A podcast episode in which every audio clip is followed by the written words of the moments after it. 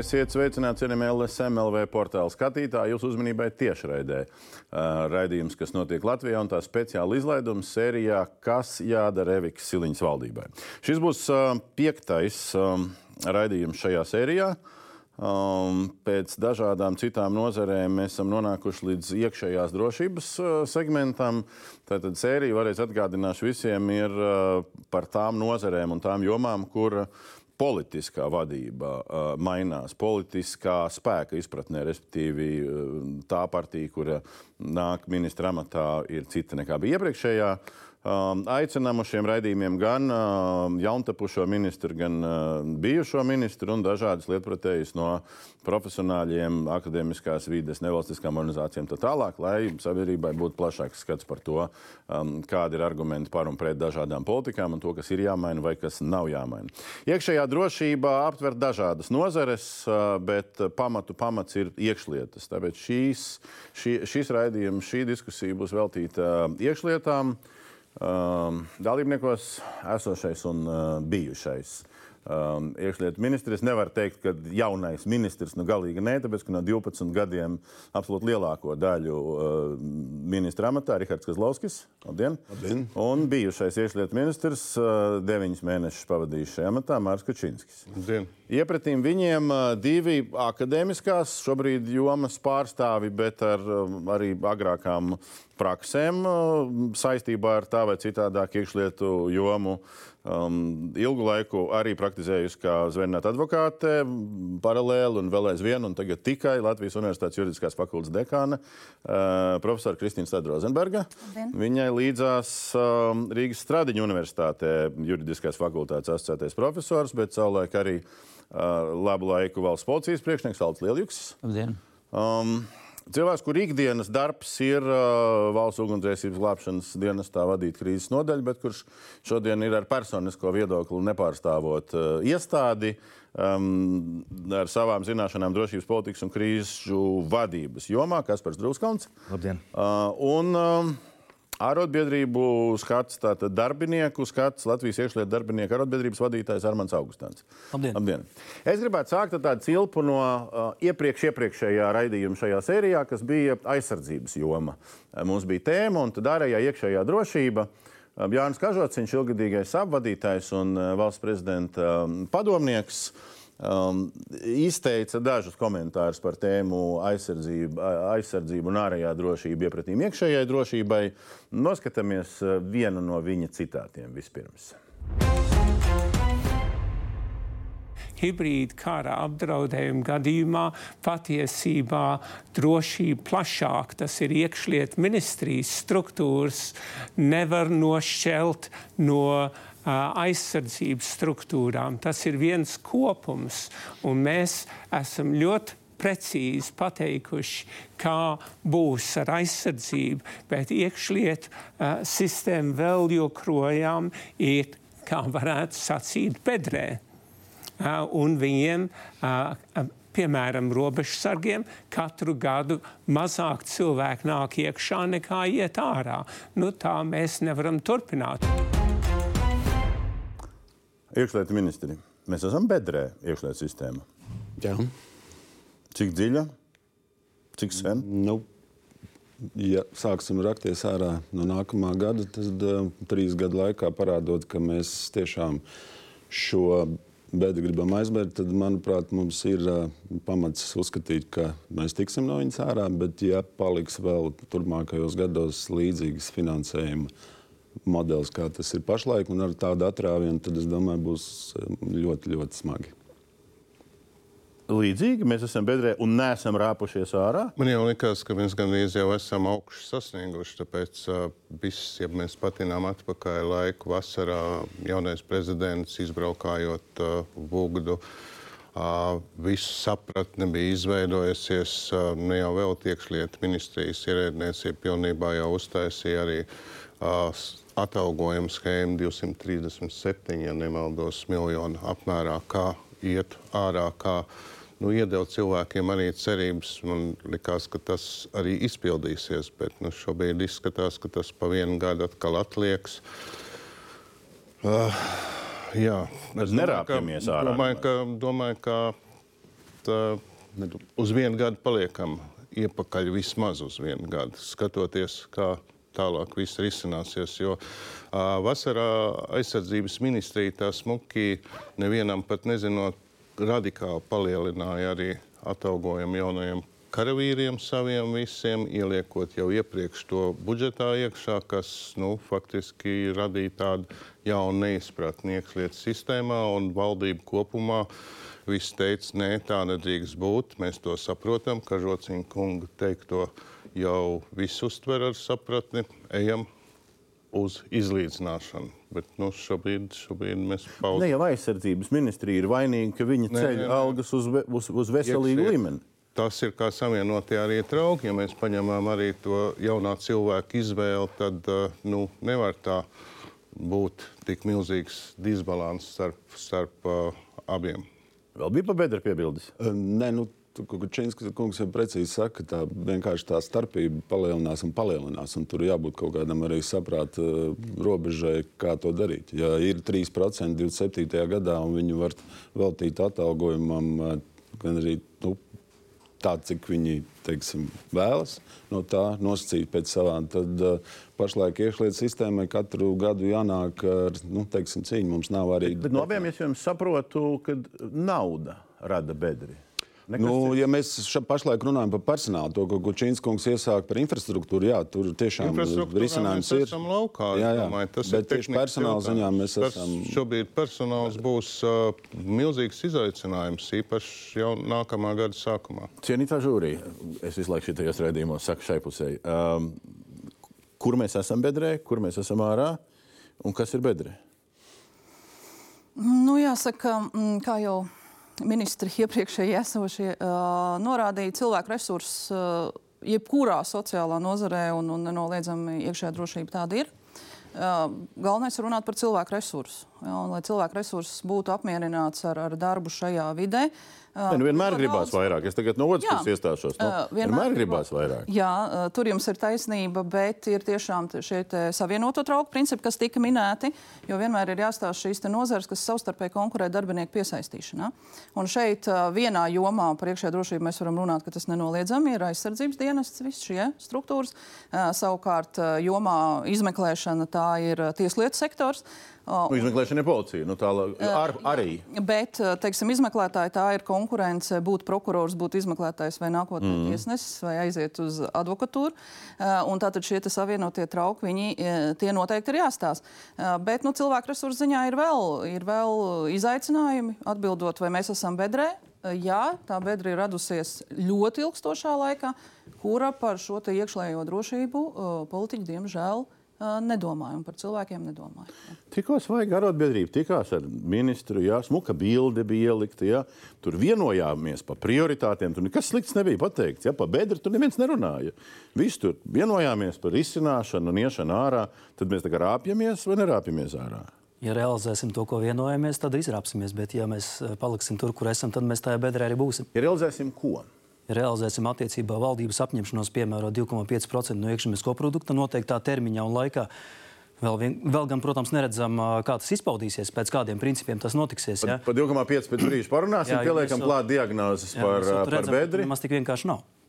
Nu, Kažots jau par to bedri runā kontekstā ar personālu pieaugumu vai kritumu. Jā. Tas, ka tas kritums ir dramatisks, tas ir, tas ir skaidrs. Uh, Protams, arī varam runāt arī par pozitīvām lietām. Tas ir noteikti par tehnisko nodrošinājumu, teiksim, autotransports. Uh, um, nu, jaunās ēkas, kas te arī redzams, kas būvējās. Es domāju, ka tas ir nu, arī par šiem varbūt pāris pēdējiem gadiem tāds nu, pamatīgs progress. Uh, nu, droši vien, kad arī jārunā šajā situācijā arī, arī par apmācību. Ja, jo šobrīd nu, tas, tas, tas, tā sistēma jau ir izveidota, ja, bet tur vēl tāls ceļš būtu, lai reaģējošie tik tiešām reaģētu tā, kā to vajadzētu. Nu, un vēl viena versija par bedri. Manuprāt, ir dažādas situācijas pa, pa, pa segmentiem. Infrastruktūra, aprīkojums, apmācība, personāls. Un tur mums ir, citur ir varbūt lielāks progress, citur mazāk. Un, ja mēs pārējām pie, pie, nonākam tikai pie vecas anekdotas, ka karavīra mamma prasa, kā dēliņš iet, un dēliņš atbild, sūta naudu, ies vēl labāk. Tas nerisina situāciju. Mēs iespējams pat lielas kaut kādas uh, investīcijas apmācībā uh, tehnikā, kur jāmācās rīkoties. Mēs pat nespētu sagramot, varbūt. Tur tā kapacitāte arī administrēt tos jautājumus. Mm. Viss. Manuprāt, ir jābūt uh, pie konkrēta līdzekļu piešķīruma, konkrēta prasība, kāds rezultāts jāsasniedz. Un tad varbūt to kopējo bildi tajā trīs gada ministra kunga minētajā etapā mēs varētu zināt to rezultātu beigās. Un, uh, uz ko tiecamies, un no tā arī vērtēt. Bet pirms tās, pirms tās tiekšanās, meklējot cēloņus, nu, viena šitāda bilde. Kažots viņš pieminēja tos uh, robežsargus. Nu, policija lielākā iestāde. Ja, tad zaļie stabiņi, kopš 7. gada zaļie stabiņi, pieņemt dienesti, dzeltenie atvaļināti no dienesta. Visos gados, visos gados dzeltenie ir, ir lielāki. Un tā skaitā tur nu, tā krīze, protams, uzšaujās 9. gadā briesmīgi, tad viņi norimst. Un tad tie ministri, kas Lovska, tie 16, 17, 18 gads, ja, viņi aug augšā. Nu tad, un pēc tam nokrīt. 14. gads bija vienīgais, kur pieņēmām vairāk. Jā, jā piedošana, jā, viens gads ir. Jā. Tas bija uh, tas ir griezumā no krīzes. Jā, bet pēc tam jūs ministrējat, un šī tendence iet apakaļ. Jo Ne, nu, jo, jo teiksim, reāli 16, 15, 16 gadā bija pirmais teiksim, tā, atlīdzības palielinājums caur atlīdzības reformu, kā mēs toreiz viņu saucām. Tie bija 62 miljoni kopā ar ieslodzījumu vietu pārvaldi. Bet tas ir tas, tikko valdība apņēmās skaidri definēt uh, IKP aizsardzības nozarei, proti, iedodot viņiem spējas plānot nākotni. Līdz ar to mums bija katru gadu jāiet pārliecināt, ka mums, kā mēs zinām, arī pašlaik tiešām par infrastruktūru mēs varam runāt. Restīvi, tā sistēma bija gan infrastruktūras ziņā, gan visā pārējā jā, bija ļoti zemā līmenī. Pa, pabeidzam to teikumu. Bija jāiet pārliecināt. Ministrs Kazlauskas nu, gāja pie premjera nu, ja Minska paskat... un nepārliecināja. Kaut ko jau viņš pārliecināja. Pār... Ko jau vai bedrē mēs esam? Nē, nu, tā ir realitāte. Mēs runājam par personāla bedru, un tā ir radusies. Ja tagad tiešām ir kadetam, ko es vakar svētdienā braucot, dzirdu reklāmu 1400 pēc nodokļu nomaksas, un es varu kadetam piedāvāt 450 pēc nodokļu nomaksas. Nu, 1000 eiro starpība. Nu, Jā, bet tas ir saprast to cēloni. Nu, par ko nu, tādēļ... Kazlauskas cēlonis, cēlonis, cēlonis, es pateikšu, kāpēc tik grūti vienmēr ir bijis kādu pārliecināt kamēr beidzot šobrīd man liekas, sapratne ir pienākusi. Tāpēc, kā ja runā kaut vai paņemam konkurences prokuratūru vai tur tā summa kopā, ko prasa budžetam, pieaug kaut par 30%. Summa ir maziņa. Iekšlietu sistēmā strādā 15,000 cilvēku. Tikko tu nosauc policijas robežsargu vulgu ciparu, tā ir 200 miljoni. Un 200 miljoni kopumā jau uzreiz finanšu ministrijai liekas nereāli. Lielāks šunks tajā lai laikā, kad nu, tā ir stabils kreisajā pusē, ja jūs vēl bijāt uh, sistēmā un tā skaitā policijas priekšnieks. Nu, kurš tur kuru nepārliecināja? Kas tur ir uh, nu, skatoties? Krī, pirms krīzes periodā mums bija tīri laba uh, situācija. Mēs varam redzēt arī pēc tabulas, kad jau nostabilizējās. Uh, pieņemto, atbrīvoto cilvēku skaits nostabilizējās. Un, situācija nebija, nebija vairs tik slikta. Nu, tad, tad nākošais, nākošie etapi jau arī demografiskā situācija. Protams, jau, redz, ja mēs tādā runājam ar aizsardzības ministriju, jā, bet es domāju, ka jau profesori pareizi saka, ir tas viens posms, kas konkurē, tas ir tieslietu joma. Tā ir prokuratūra, tieslietu. Tur ir nedaudz savādāk tā situācija. Nu, es te varētu minēt, teiksim, piemērus arī pastījos speciāli šim raidījumam.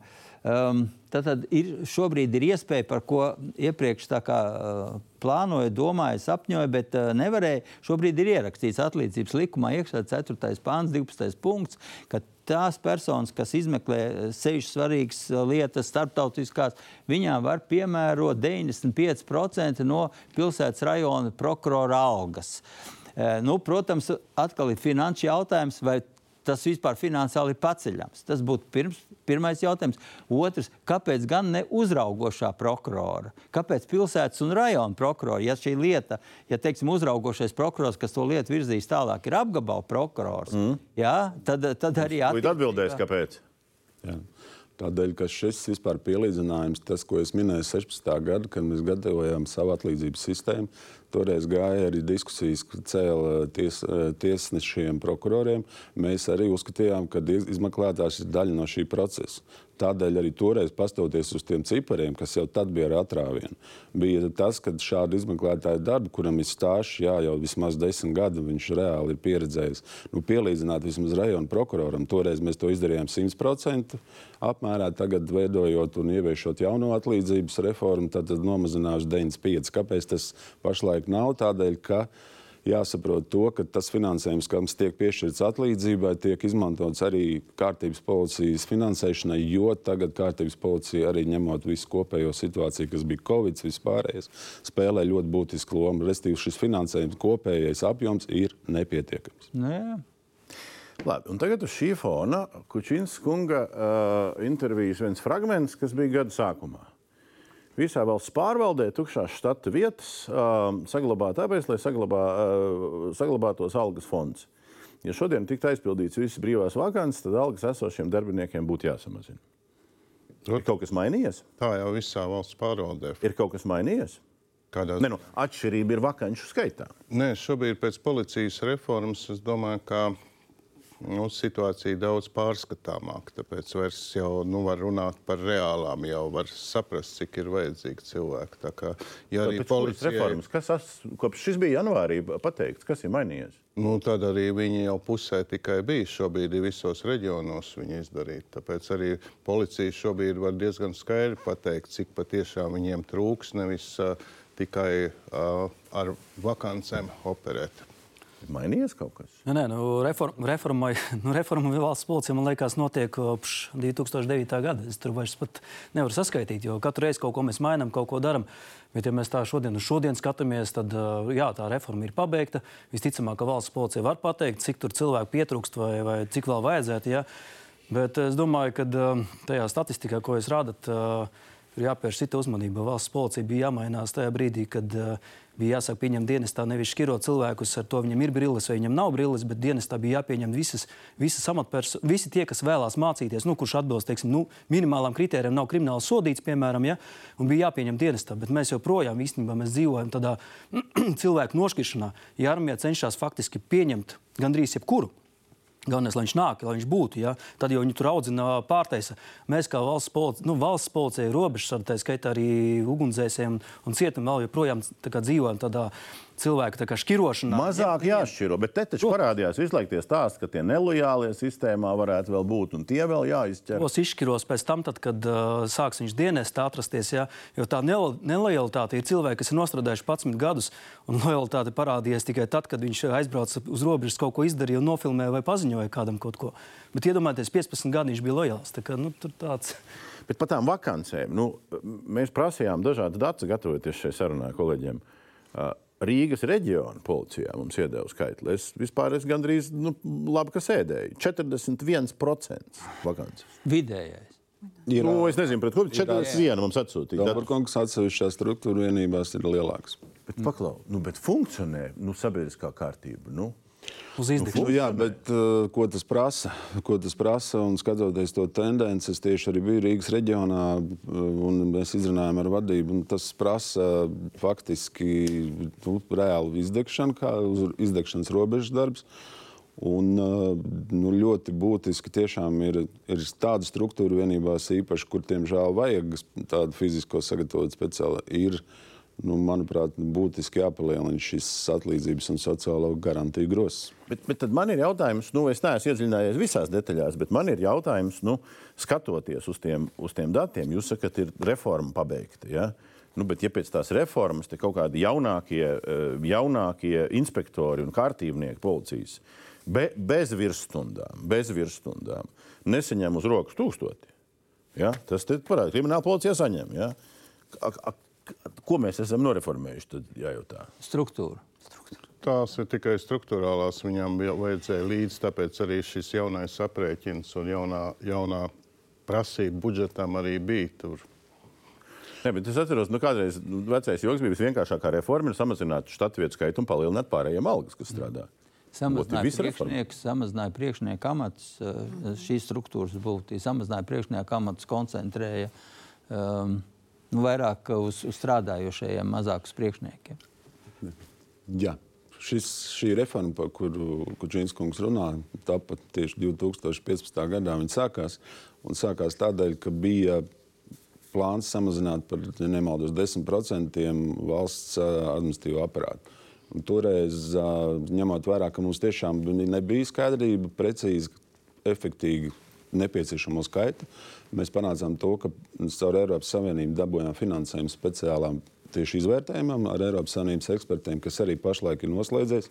Un kā Kučīns kungs teica, ir tieši tiek arī ieviest dzīvē, un kā Lielukšs kungs teica, precīzi tiek samazināts vidējais augstākais komandējušais sastāvs, proti ar mērķi tiešām vairāk policistiem būt reāli apritē uz notikumu vietās, nevis kabinetos. Tāpēc nu, arī. Lai būtu, varbūt mēs atgriezīsimies pie tiem policistiem vēl kabinetos un uz vietām, tā no, no cilvēku puses skatoties. Bet atgriežamies pie tās valdības. Tas ir tas pirmais, numur viens punkts deklarācijā. Ja? Arī iekšējā drošība 3% līdz 27. aizsardzības budžets un 2,5 līdz 26. gadam um, iekšējā, kārtī, iekšējā drošība, sabiedriskā kārtība. Nu, lai mēs saprastu, tad šobrīd no tās iekšējās drošības uh, nu, divas trešdaļas, ļo, es ļoti rūpīgi teikšu, ja, divas trešdaļas ir uh, iekšlietu resoram, tad ir tieslietu resors, tur prokuratūra, knaps un nu, visi tie pārējie sīkumi kaut kādi. Tie tiešām paliek sīkumi. Ja. Un šobrīd summā, mēs jau pārprasījām finanšu ministrijā, ir 2,3. Tas nozīmē, ja mēs pieliktu klāt līdz 2,5 šobrīd, tas ir 100 miljoni. Un tas ir uz visiem šitiem, ko mēs pieminējam, prokuroriem, un tiesnešiem, un, un, un visiem policistiem, un vugdu, un, un būvēt, un betonā, un mašīnās. Tas nekas nav. Es, ja drīkst. Nē, nu vajag. Jā. Vajag, tad ļoti labi. Tad, tad, ja tiek rēķināts nevis bāzes izdevumi, bet tiek rēķināts iekšā arī teiksim, kā jūs sakat, betons, kas ir ēku uzbūvēta nu, divu, trīs gadu termiņš, tad mēs, protams, varam šādā veidā rēķināt, bet pilnīgi noteikti, ja mēs paņemam bāzes izdevumus, tad viņi nav ne tuvu tam. Ja mēs paņemam atsevišķu iekšlietu ministriju, iekšlietu, ne, neskaitot prokuratūru, teiksim, tiesas sistēmu, tad uh, mūsu IKP ir nedaudz burtiski virs 1% tikai tāds reāli bez šīm investīcijām. Jo, viņas, Jūsu, jo mēs skatāmies, mēs aizsardzība runā par bāzes izdevumiem. Tas nozīmē, viņiem ir 3% konstanti visu laiku. Ja mēs runājam par 2,5, kā es to saprotu, tā ir bāzes finansējums, kas ir nemainīgs neatkarīgi no tā, ko mēs būvējam vai nebūvējam. Tā jau ir iekšlietu sistēmas loma noteikti. Iepriekšējā valdībā rakstīja šo 2,5. Tur nebija baigta kaut kāda bāze atrunāt un vienreizējā. Nē, nu, tā nav atrunāta arī aizsardzībai. Nu, jā, valdībā, ka viņi bija, nebija vēl salikts arī iekšā viss šī infrastruktūra. Es domāju par katastrofu centriem daudzajiem un tādu jautājumu, ko tur ieskaita iekšā. Tā jau var celt un uh, ja mēs ne, neejam uz to bāzes palielinājumu, par ko Kazlovs kungs runāja, tad uh, jautājums, ko katrs grib ieskaitīt tur iekšā. À, mēs nemaz nezinām, kas tur uzrakstīts patiesībā. Jā? Mēs, mēs varam ieskaitīt tā, varam izskaitīt nē, šitā. Mēs... Nē, nē, es, es, nu, jaunā valdība. Nu. Nē, nē, nu, tāpēc saku, jautājums tieši es nevaru nevar precīzi pateikt, kāds procents, bet jūs jau minējāt attiecībā proporcijā pret tieslietām. Bet tas ir pilnīgi skaidrs, ka šeit es uzskatu, var runāt tikai un vienīgi par bāzes izdevumiem. Ne, nu, vienkārši interesanti, jo Finanšu ministrija mums atsūtīja uz jautājumu, cik ir esošie 2,3. Nu, tur viņi neko neizdarīja. Nu, tā vai citādāk. Ja? Nu, labi, tās būs. Um, Viena bildīte, es mēģināšu drusku kungu iesaistīt. Viena bildīte, kas bija Kučinska kunga uh, ministrēšanas laikā šī gada sākumā, tā kā, tā kā šī gada budžets tapa, nu, un attiecīgi trīs gadi. Nu, te ir nu, arī tas betons, tie katastrofa, tie pārvaldīšanas centri, un uh, arī tie cilvēki mazāk. Tas transports, ugunsdzēsības, viss vis vis tas pasākums un arī tie cilvēki. Ja mēs skatāmies uz proporcijām starp cilvēkiem, betonu, mašīnām, mēs ejam pareizā virzienā. Manuprāt, tā, tā saknes jau slēpjas stipri. stipri. Šeit būtu jāsēž ministriem iekšlietu ar, ar, ar, ar garāku sarakstu un, un, un labiem un sliktu darbu nodarījumiem. Uh, parasti ir kaut kāda, kā jūs minējat, balanss. 20% jāpaliek būt attīstībai, jebkuram uzņēmumam, iestādēji vai tam līdzīgi no bāzes izdevumiem. Ja mēs paskatāmies iestādes, gan policija, robežu sardzi, gan uh, valsts ugunsgrēcības glābšanas dienestu, pēc algu un saistību nomaksas tur paliek 2-3%, kurus var imitēt kā attīstībai. Ne, nu šitie ir attīstība. it kā. Tur jau tā lieta, bet mums tā, tā infrastruktūra un autotransports, tehniskie līdzekļi ir ļoti ielaisti. Un arī personāla sastāva atlīdzība izglītībai ir tieši tādā pašā stāvoklī. Es, tas ir politisks droši vien lēmums, kur tā investīcija notiek. Tehnikā, tehnoloģijās, dzelžos, apmācībā, personālā. Tur ir šī starpība, jo arī ar tiem jaunajiem dzelžiem ir jāmāk rīkoties. Un, un vēl es gribētu pieminēt, ka ar to pašu tieslietu un aizsardzības sektoru uh, iekšlietas konkurē par vienu to pašu personālu. Lūk, un uh, vēl jārēķinās, ka uz uh, aizsardzības ministrijā uh, NBS karavīriem ir tieši šie maksājumi, kas saucās kompensācijas. Iekšlietu ministrijā šās kompensācijas integrēja uh, amatalgā, no kurām uh, maksā nodokļus.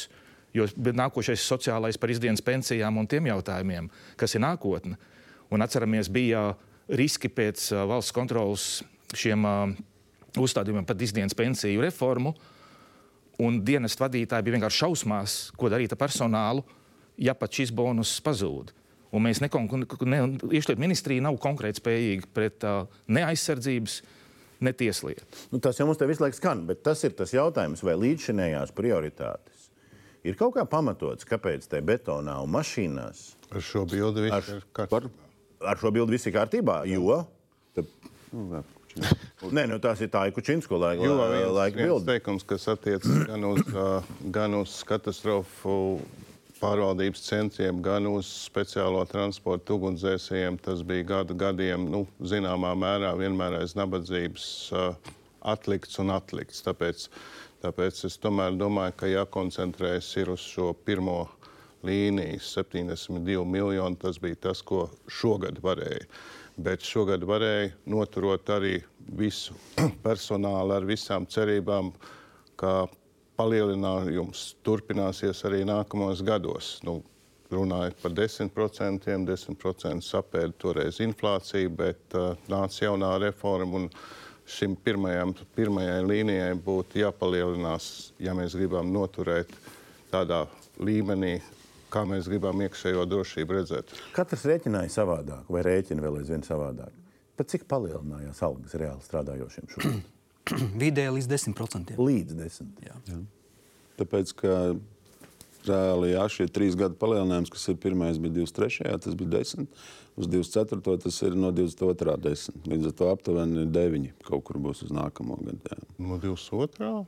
Nu, uz 23. bija tātad no 22. rēķināja 10% pieaugumu. Nu, bet tagad 24. atkal 10, Nē, jau 10 taču no uz- 22. Kāpēc? Nevis no tā, ja tāda nolēma. Ko jūs sakat? Statistika saka 3,2 pieaugums pu- pusgads pret pusgadu. Nu, padalieties, kā, kā, kā jūs Nu, redzat? Es, es tikai redzēju tas, kas ir rakstīts.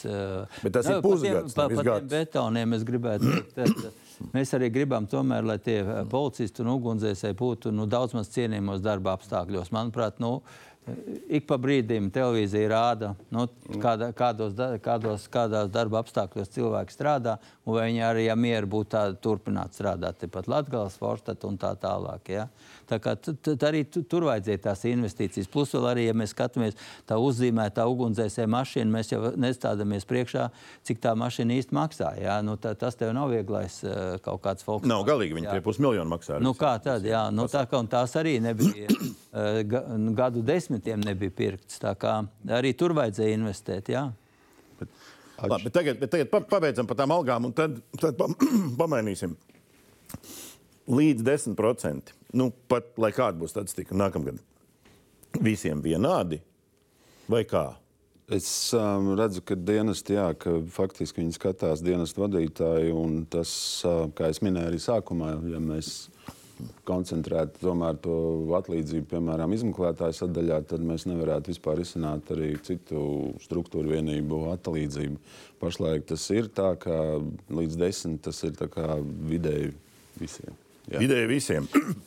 Un runājot es- Rīgas divus ā, 80 ā, aptuveni procenti, jā, tas ir tas, kas aiziet iekšlietām atlīdzības sadaļā pretēji. Un par dzelžiem runājot, par betoniem, mašīnām.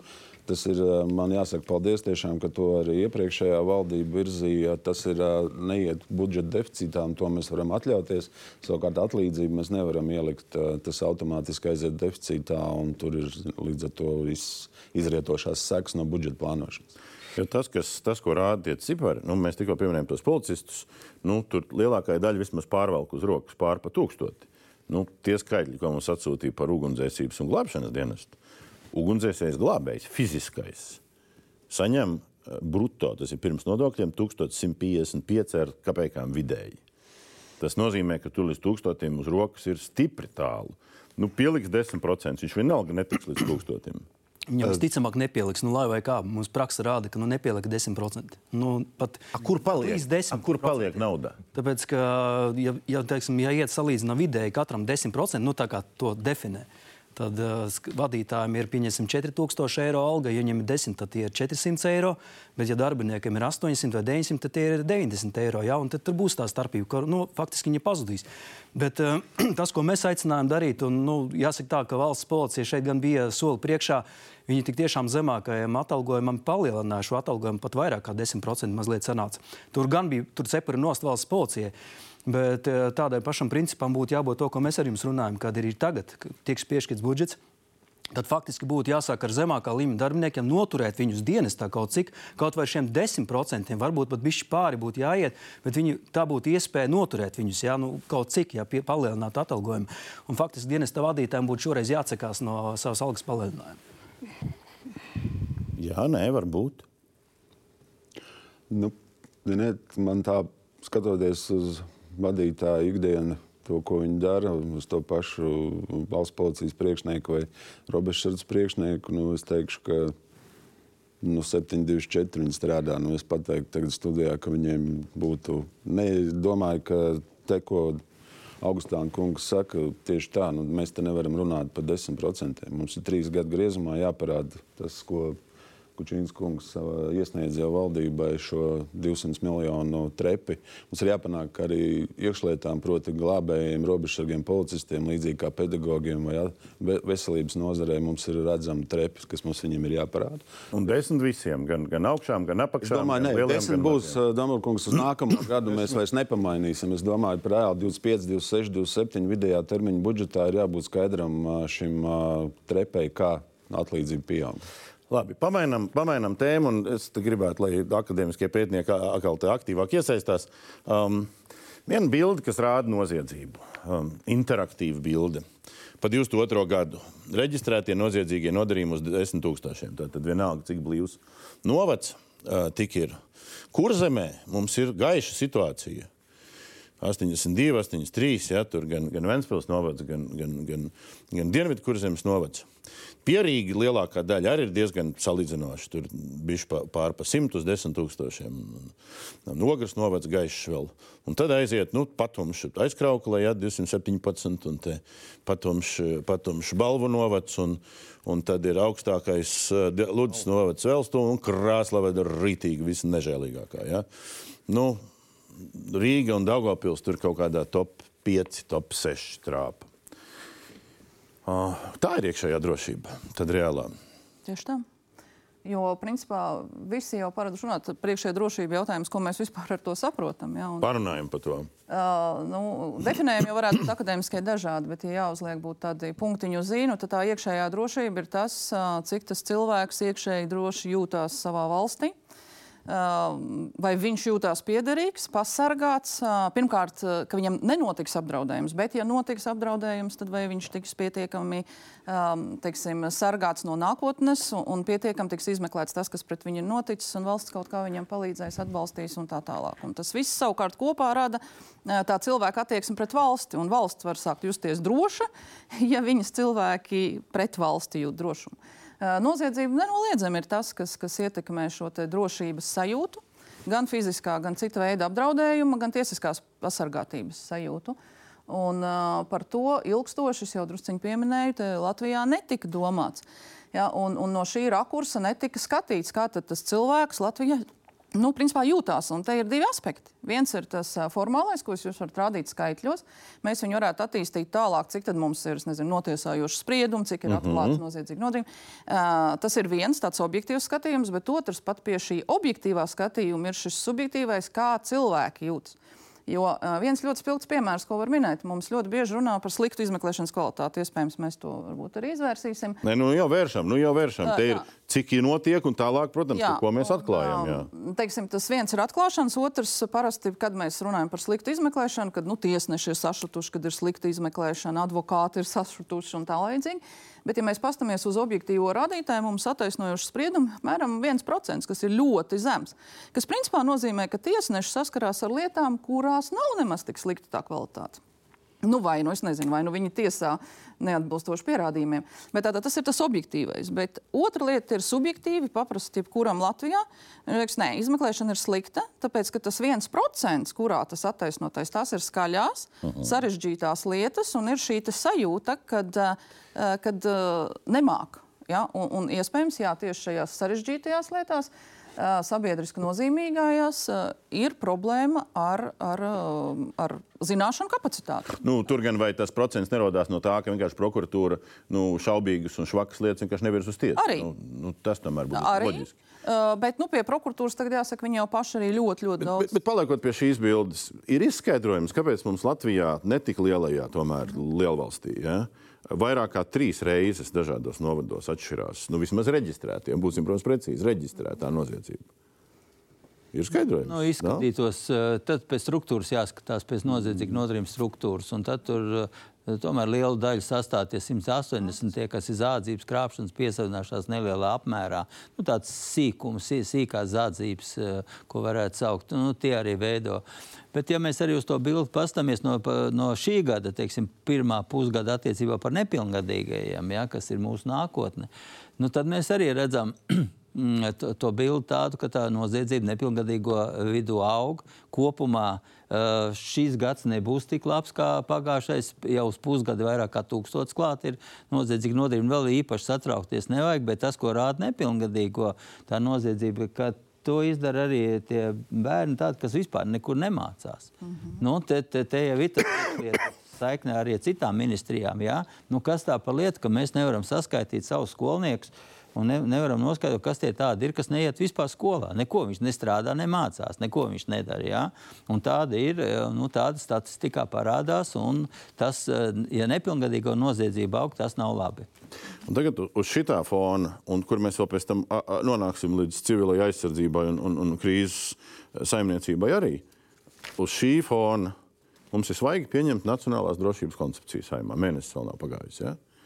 Cik tālu Čīnskunga pat parakstīta, vēl aizvien aizgāja uz saimu, un tur virkni deputāti kritizēja, kad vēl nonāk nevis ar Kazlausku parakstu saimā, bet ar Kučinska parakstu. Tā tas, tā tas tehniski tiešām bija.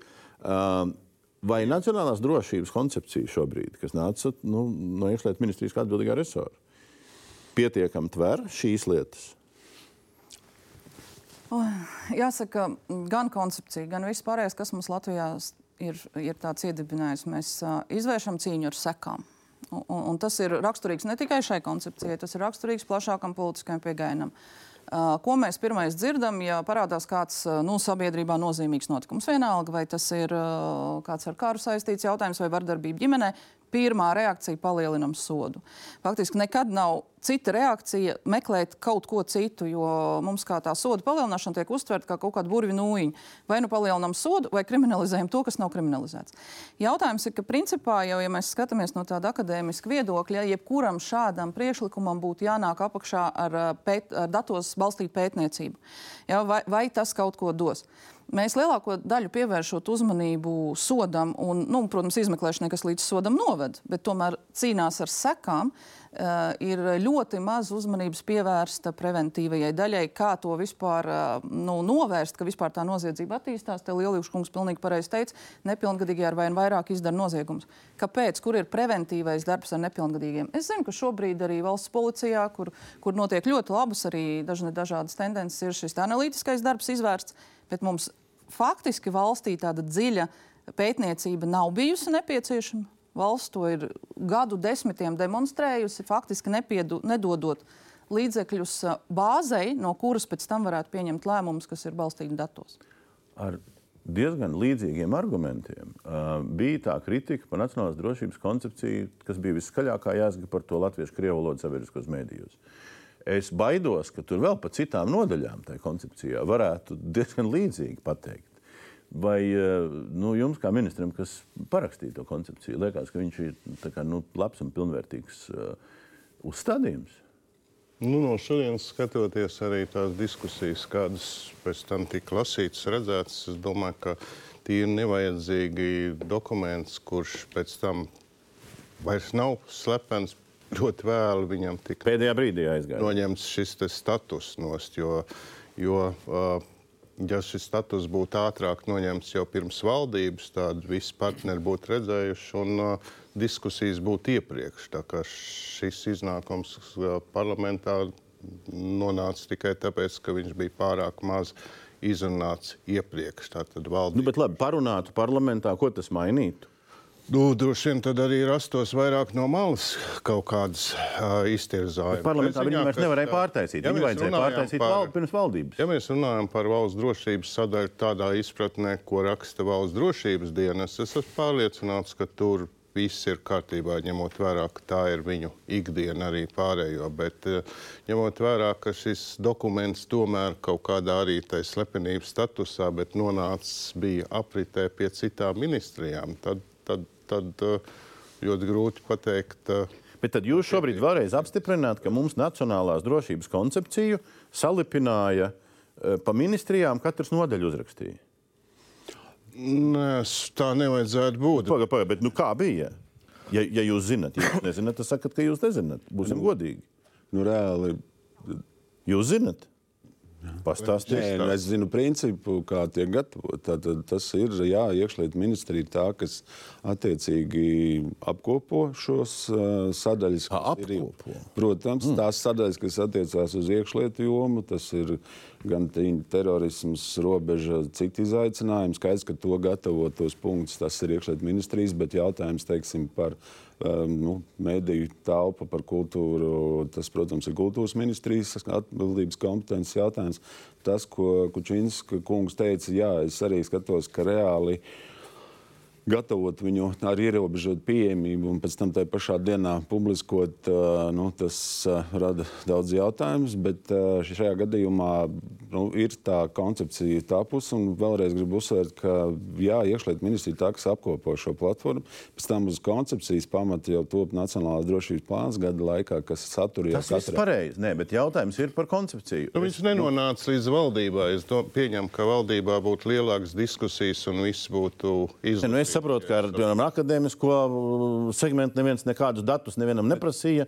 Nu, ko tik zem nolaisties? Apkopotājiem, katra, ne? katra nozara, kas atbilstoši uh, ir iesniegusi savu atbildības jomas redzējumu koncepcijai, kā viņa organizē iekšēji nozariski jau šo jautājumu, attiecīgi diskusiju, priekšlikums, izvērtējumu.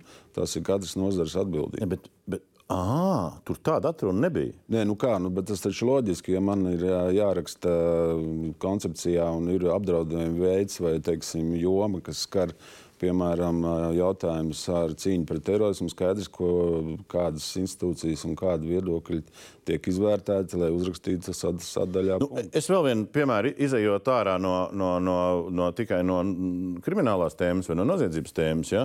Nu, es šito sadaļu gribu ka mēs paskatītos. Ja? Tad, tad prioritātes ekonomikai radītā apdraudējuma novēršanai. Ja? Elektroapgādes drošība, nodrošinājuma, viss pārējais, vairāk atjaunojamie resursi. Un atjaunojamie resursi uzreiz aiziet. Būtiski īstenot Latvijas-Igaunijas atkrastes vēja elektrostaciju koprojektu Elvindu līdz tam 2030. gadam. Ja? Tas ir tas, pa ko sāk tās balss tagad celties, ka vispār tur ir uz struntīgiem datiem, uz struntīgiem datiem balstīta analīze, kāpēc tas Elvins iet. Un tālāk man patīk šausmīgi tas nākamais teikums. Nākotnē Latvijas jūras teritorijā kopumā varētu izveidot piecus vēja elektrostaciju parkus. Varētu izveidot, varētu neizveidot. Mums ir koncepcija valstī, drošības koncepcija, ka varētu kaut ko darīt. Varētu robežu sargāt, varētu arī nesargāt. Ja? Varētu parkus izveidot, varētu neveidot. A, koncepcija kur? Izstāstiet man, kas tas papīru? nevajadzētu laist parastajā saskaņošanā. Tur pilnīgi ir redzams, kā ekonomikas ministrija ņēmusi un ierakstījusi šos te teikumus. Un, Nu, bet, bet valsts drošības dienas iekšlietu ministrs, visa ministrija šito laiž cauri. Nē, nu, bet es atvainojos, ja ekonomikas ministrija, kas atbild par enerģētiku, iesniedz uh, dokumentu, tad ne jau iekšlietu ministrija tagad apstrīdēs uh, ekonomikas ministriju, kas ir atbildīgā ministrija. Kā mēs varam tagad pateikt, nē, ziniet, šito mēs nedarīsim enerģētikas jomā. Un- un- un jo mēs uzskatām, iekšlietu ministrija uzskata, ka mums vajag četras. Nē, bet es citēju, un, un e- e- es tiešām e, tie- citāti, ko jūs sakat, kā cilvēkam jājūtās droši, nu es viņus lasu somu, igauņu tajās koncepcijās ne tikai kā tekstus, bet kā tā kopējo to uzstādījumu. Tad tie ir šī gada, pagājušā gada dokumenti. Ja? Un šitien Latvijas pilsonis, ja viņš izlasa šo, nu, varētu kaut ko man uzbūvēt, varētu neuzbūvēt. Ja? Varētu balstoties uz kaut kādiem datiem, varētu bez datiem uzbūvēt. Ja? Nu, tas cilvēks, es vismaz nejūtos baigi droši, ja man noliek priekšā nacionālās drošības šito. Nu, vēlreiz, laikam, lai kaut kā aizstāvētu arī valdības eh, viedokli kopumā par šo koncepciju, gribu vēlreiz uzsvērt, ka tas jau būs atkarīgs, ko ierakstīs šajā sadaļā Nacionālā drošības plānā. Vai būs 4, 5 vai neviens, tas jau būs konkrēts lēmums. Gada laikā tas ir jāizdara un jāizvērtē. Ne, bet- pirms to ierakstīt plānā, Bet jo es plāns vienkārši- paredzēs konkrētus punktus, konkrētus izpildes termiņus. Es, kas Loskungs, valku uz kaut ko citu. Labi, jūs bijāt ministrs, tur jauns ministrs tiešām, tur 11, 12, 13. Tad notika Krima. Un it kā mēs Latvijā visi sapurinājāmies. Nu, tā vai citādāk mēs it kā sapurinājāmies. Un tagad mēs esam bedrē.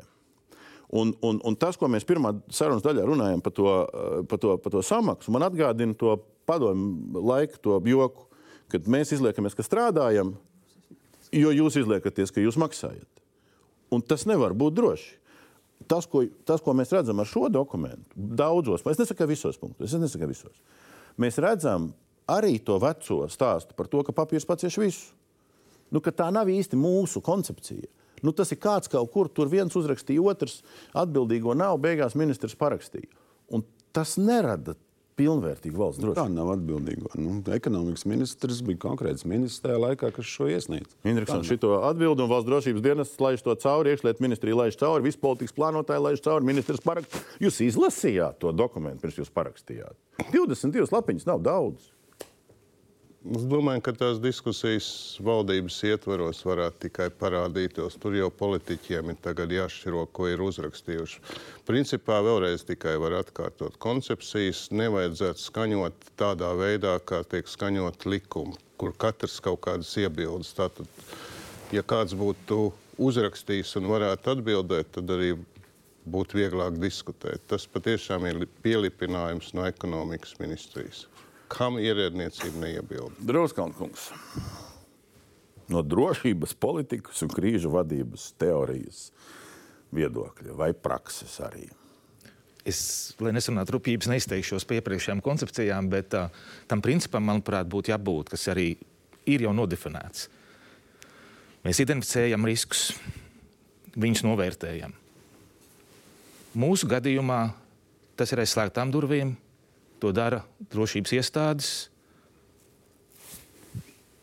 tālu no cilvēkiem. Teiksim, izolētās sabiedrībās mēs kļūstam paranoiski. Ja? Otrs, jo to risku jūs teiksiet, ka viņš ir risks, un es varbūt teikšu, ka viņš nav. Un šeit ir viena argumentācija. Tad sākās šī riska novērtēšana. Un mēs ar riskiem, ko varam izdarīt, mēs viņu varam akceptēt, paredzot, ja viņš iestāsies, mums būs resursi, spējas, zināšanas, kā to problēmu risināt. Mēs viņu varam mazināt, tātad investēt prevencijā, lai būtu mazāks šīs sekas un reaģēšana, un mēs viņu varam akceptēt. Un tas gan mērās gan ekonomiskos, gan sociālos, gan fiziskos, psiholoģiskos kritērijos. Ko mēs šo risku darām? Mēs par šo sadaļu neviens neko nezinām. To zina kaut kādi desmit cilvēki valstī. Jūs, par do, eh, jūs runājat par to dokumentu, ko sauc par valsts apdraudējumu. Kā pamata ir likuma šis šai koncepcijai. Un tad mēs esam tikuši galā ar šiem riskiem. Jo ir dažādas pieejas, ir pat riska katalogi, kas ir publiski, kur indivīdi, akadēmiķi, nozares, jebkurš var iesviest to risku, platformā. Viņš gan tehnoloģiski, ar tehniskām ierīcēm, gan ar atbildīgiem tiek uh, vērtēts no valsts. Saka, jā, šis točs ir risks. Ko mēs ar viņu darām? Un, ja tas būtu ekonomikas nozarē, iedots risks vīri, ekonomikā mums pastāv enerģētikā šāda un šāda problēma, sacensība. Kāds ir labākais risinājums? Jūs... Un, un tas, es atvainojos, un šajā koncepcijā ir, es tā paskaitīju, tā provizoriski, tur ir trīs ceturdaļas stāstīts, ko dara citi. Krievijā, Ķīnā, NATO. Un paliek maza, maza sadaļa, ko mēs darīsim. Un tā nākošais būs plāns, kā mēs to risinām. Ko atkal neviens nezina, tikai daži cilvēki valstī, ja? kurš būs slepens. Un šeit pat nav iespēja ne akadēmiski, ne sabiedriski sekot šim procesam, kur, protams, ir jābūt slēptai sadaļai, kas ir pretterorisms un pretizlūkošana pārējais. Bet tā ir ļoti, ļoti maza sadaļa, ja mēs runājam par iekšējo drošību. Un mana izpratne, ja šo ciklu saprotam uzbūvē un profesionāli vada, varētu nonākt arī pie sajēdzīga dokumentu gala.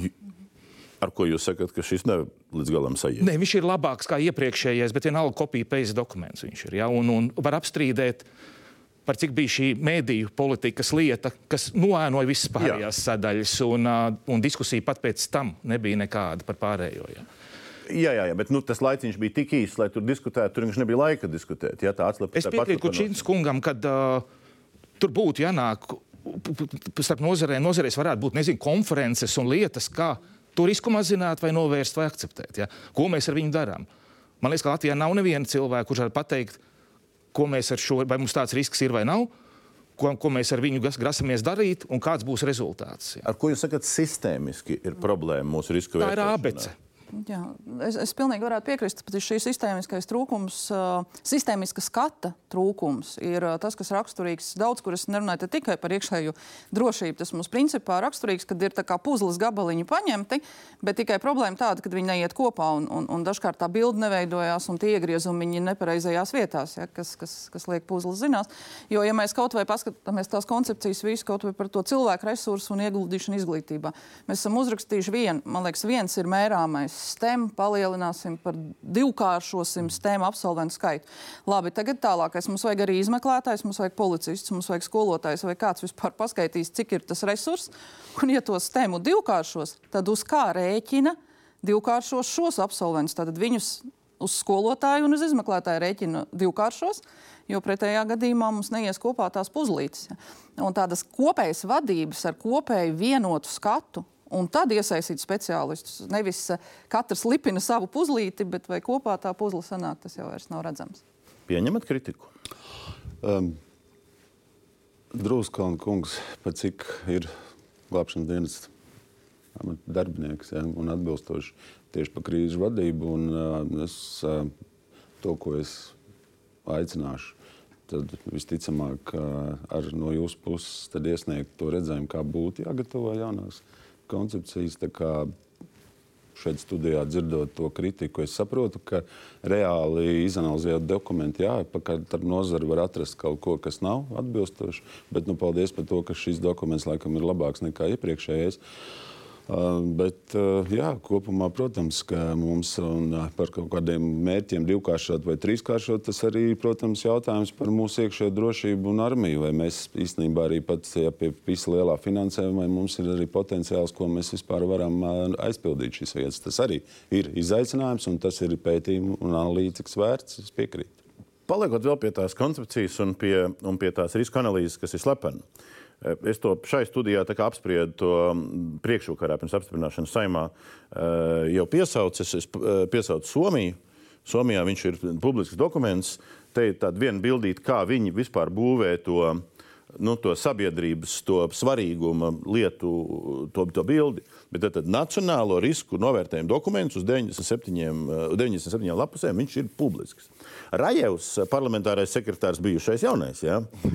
nosaksim to tā nākamā dienā saimā ehm, piesaucot šo piemēru, teica, ka jā, vispār būtu vērts apsvērt uh, publiskošanu. Ja? Nu, šī bildīte vienkārši ir interesanta, jo viņi parāda pilnīgi citu pieeju ja? risku un, un, un, un drošības nu, vērtēšanai un mērīšanai. Bet dokuments ir, nu, tur viss kaut kas ir iekšā, ja? tur ir brīnum lietas. Bet tas, kas parādījās, parādījās tas, eh, tas jautājums, eh, ka to varētu Eh, šo pieminēto riska analīzi varētu publiskot Latvijā. Tas bija Rajēva tāda pašdarbība, ja ministrs kaut ko par to zina. Jo jūs nebijāt tajā sēdē, jūs bijāt komandējums visticamāk. Nē, nu, teiksim, ja runā par mūsu šo risku izvērtējumu, nu, man, protams, ka jāsaliek un būs sabiedrībai jāspēj izskaidrot par šo procesu pēc tam, lai nākošo koncepciju gatavojot, nebūtu šādas te, uh, lietas. Līdz esošo neko nedarām. Nemaz. Nē, ar esošo ir saima ir pieņēmusi, div, bija divas iespējas, vai nu saima viņu būtu noraidījusi, proti, vai viņi būtu pieņēmusi. Un jāsaka, ka jāatzīst tiešām, ka mainoties arī valdībai, diskusijas tur nekādas neaizgāja, jo datums bija noteikts līdz 1. oktobrim saimai ir jāpieņem. Līdz ar to, protams, es teiktu, ka tādu koncepciju, ja mēs gatavojam, lai viņi arī būtu diskutējami, tad droši vien viņa valdībā būtu jāpieņem nu, reāli vismaz līdz vasaras sesijas beigām. Lai atliktu kādu trīs mēnešu izvērtēšanai. Tas gan jā, bet tā realitāte, es nezinu, es tiešām nevaru izvērtēt to katras nozares un to ieguldīto darbu un kā tas ir gājis kopumā, lai mēs tiktu līdz tam, ka nu, viņa faktiski septembrī parādījās valdībā. Labi, šitai epizodē cauri izgājām. Kā nu, kā nu sanāca, tā sanāca. Pastīsimies, kas tur turpinājumā notiks ātri vai tikai pie, pie, pie nākošās. Vēl viena lieta, ko es gribu uh, noteikti pieminēt, iekšlietu segmenta svarīga lieta - robeža, robežā un robeža apsardzībā. Nu, esam būvējuši, būvējuši, būvējuši. Plānojam pabeigt būvēt kaut ko līdz vasarai, kaut ko līdz 25. gadam. Uh, un Kučinskungs nonāca opozīcijā, vāc parakstus, kā izmeklēt. Ja?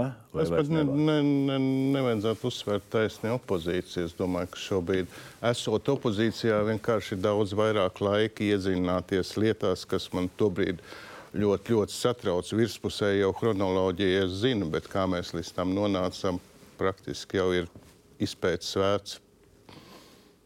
Bet, bet ko jūs gribat ar šo iniciatīvu tagad sasniegt, un neskaitot opozīcijas parādīšanos? Lai nekad vairāk tā nenotiktu, kā notika. Jo tas patiesībā, nu, ja Latvija neizdara mācību no, no, no visa šī notikuma, kas reāli apdraud mūsu drošību, tad dabiski, dabiski, ka paliks jautājumi neatbildēti un nākošais var atbildēt. Bet, bet vienkārši izmeklēt, kā mēs būvējām un kāpēc lēni būvējām. Tā tautas valodā runā. Tas jau nav tā, kāpēc tika apstādināti tajā brīdī.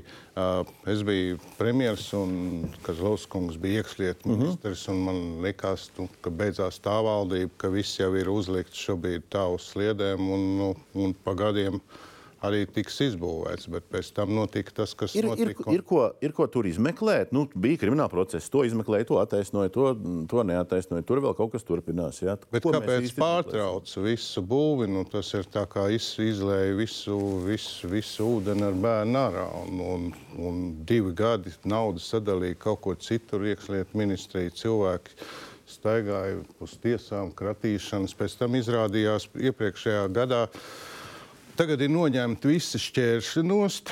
Es domāju, ka tagad gan nekas vairāk netraucē. Viss, viss ir nolikts, bet uh, viss ir izdarīts. Tikai uh, nu, tur ļoti daudz uh, tādu mākslīgi bija uzbūvēta mūsu likumdošanā. Nu, tādas, tādas prasības, kas noteikti neiet kopā ar iedzieniem ātri, efektīvi un atbilstoši drošībai. Ir jāizmeklē. Ne, nu, Kučīns kungs, protams, iezīmē to jautājumu sadaļu tieši par ko viņuprāt būtu jāskatās. Varu pateikt tikai to, ka, jā, ka diametrāli atšķirīga situācija tajā laikā bija jāiet jāpārliecina. Jāsaka paldies jā, Kučīns kungam arī īstenībā kā premjeram toreiz.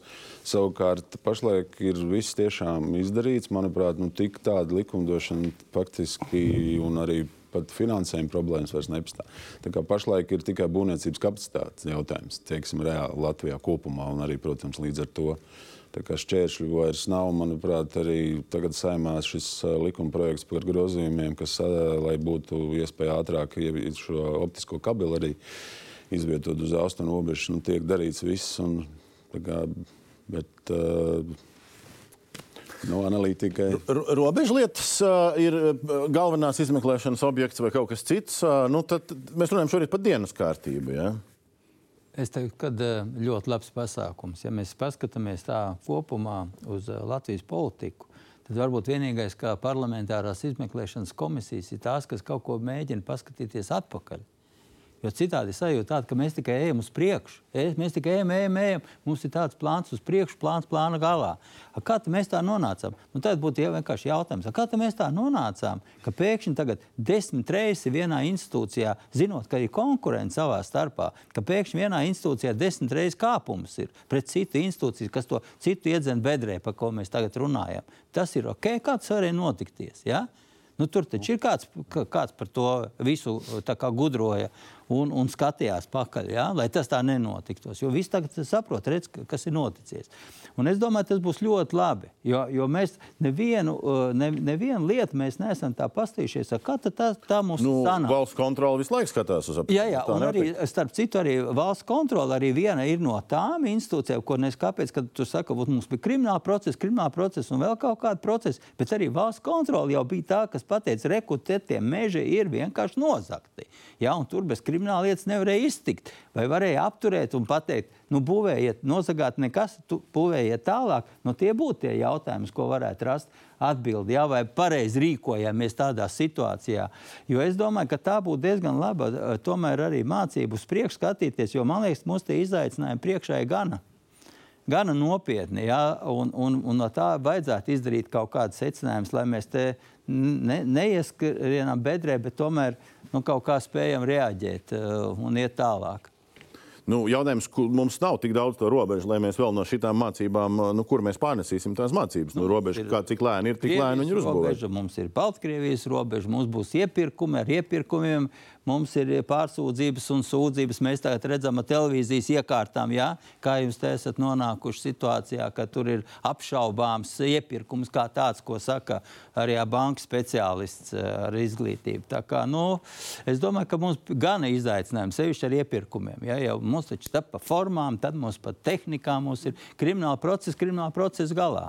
Jaunais iepirkums vēl nav izsludināts ja, par to uh, atlikušo robežu daļu. Viss Jūs domājat uh, par Krieviju? Pa Krievijas, jā. jā ir. Viss ir izsludināts. Jā. Ka visas mācības ņemts vērā, viss labi, viss kārtībā, nu, valsts kontrolē. Es varu pateikt, valsts kontrolē vienmēr ir ko darīt. Es uh, tā kā par to šaubu nav, jā, bet uh, es gribu pateikt paldies, izmantot iespēju Nī, jo viņi tiešām ļoti efektīvi vada šo procesu, un pašlaik man nav pamata apšaubīt, ka viņš būs īstenots termiņos arī. Nu, Nī, mums būtu daudz ko parunāt dažādās bet, jomās, kā viņa teātris, būvis menedžēri nu, kaut ko tur varētu. Nē, nu, runājot par robežu, tur ir nu, pašlaik katrā ziņā šis uzstādījums ir un tur uh, darbi notiek saskaņā ar nu, apņemšanos. Nav, tur ir daudz izaicinājumu tiešām arī. Tas nav tik. Tomēr būvēt purvā ir bijis atšķirīgi nekā būvēt Rīgas centrā. Vai līdzās būvē robežu sargu? Uh, darbs vai robežu sargu nodrošinājums. Kur no vienas puses, jā, mums ir hibrīda karš, un tur Eh, migranti, kurus vieniem vieni sauc par nelegāliem, un otri saka, ka nedrīkst saukt par nelegāliem. Ne? Um, un mēs uh, nu, esam situācijā, ka mums nāk palīdzīgā kaimiņu valstis. Jau nāk palīdzīgā. Tas ir. Nu, normāla situācija, vai tur kaut kas nav kārtībā? Es gribētu ļaujiet pateikt no šīs puses. es gribēju mazliet par to robežu atgriezties un par labi, formām, kas tika pieminētas. Ziniet, kā ir? Tad, kad amatpersona soda disciplinārajā, tad apstrīdēšana šī disciplināra soda neaptur no darbību. Tas nozīmē, ka viņš vienalga aizskats sodīts. Jā, tiesa attaisno nu, tādējā, bet tas paies laiks. Manuprāt, šī pati problēma bija tieši gan ar robežu, robežu uzbūvi, gan arī pa formām. Kad uzsāk kriminālu procesu, neļauj turpināt šo formu iegādi vai pirkšanu un tā tālāk. Un tas patiesībā pārvēršas gadiem. Tikmēr krimināla procesa izmeklē, tikmēr tur atklās, neatklās, un tad mēs arī nu, netiekam uz priekšu nekur. Un šīs formāts būtu īstenībā jāmaina. Ja reiz uzsāk kriminālu procesu izmeklēt, bet ļaujiet pabeigt robežus, jo tas, neno, ja sākās nu, kaut, kāds, kaut kas notiek, tad mēs ko teiksim ienaidniekam, mums ir krimināla process, pagaidiet, jā, nu, tagad neiet robežai cauri. Un tā man liekas, mums, tā ir viena tāda problēma. Bet tīri juridiski, vai tad obligāti bija jāaptur? Nu, redziet, kad izmeklētais jau pa formām kaut ko tur bija apturējis, bija aizliedzis turpināt šo procesu, skatīt un tā tālāk. Jūs tagad sakat, kā izmeklētājiem, neatkarīgiem un prokuroriem rīkoties? Nu, jā, tas ir tāds risks. Vienalga, lai viņi mācās, ja viņi savādāk to nevar, jo policists pēc tam staigā pa ielu tāds, kāds viņš staigā. Un tas veidojas sabiedrībā prestižs, tad mēs no viņa prasām izmeklēt noziegumus, staigāt, nezinu, normāli saģērbs, bet viņš nevar staigāt, viņam ir krimināla procesa apturēts, viss, ko var apturēt. Ja? Un te īstenībā tas ir būtu jāmaina šī pieeja.